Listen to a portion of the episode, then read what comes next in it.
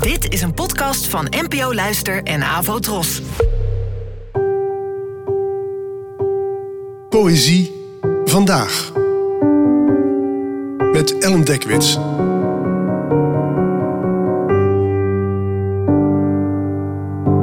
Hallo, fijn dat je luistert. Het gedicht van vandaag heet God van de collectieve zorg en werd geschreven door de Amerikaanse dichteres Cole Arthur Riley, geboortejaar onbekend. Het werd vertaald door Jessica de Bruin en mij.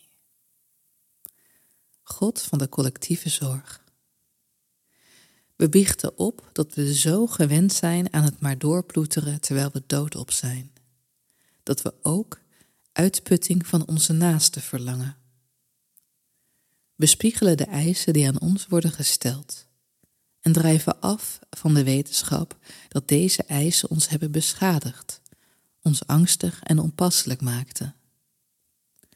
Help ons richting te vinden, voorbij de zelfzorg, dat we inzien dat de manier waarop we deelnemen aan de wereld ons ook de mogelijkheid biedt om onszelf en anderen te bevrijden en te verzorgen.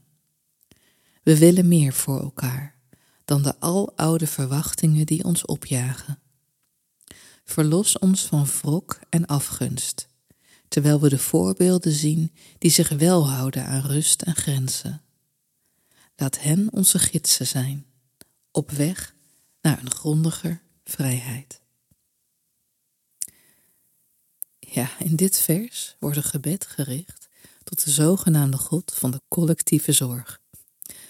En de verteller biecht op dat men op is, maar tegelijkertijd toch ook van anderen blijft verwachten dat zij zich eveneens dood blijven werken. Zo houd je natuurlijk een negatieve spiraal in stand. En langzamerhand komt uit de regels naar voren dat zelfzorg daarvoor niet de oplossing is, maar juist zorg voor het collectief en dus voor elkaar, wat simpelweg neerkomt op een ander de rust gunnen die je zelf ook zo hard nodig hebt. En wie weet zullen we dat ooit kunnen.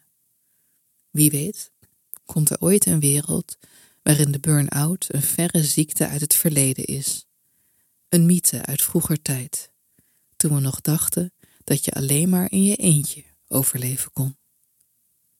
Bedankt voor het luisteren en tot de volgende keer. Abonneer je op deze podcast via de gratis app van NPO Luister. Daar vind je ook een handig overzicht van het complete podcastaanbod van de NPO. Afro Tros, de omroep voor ons.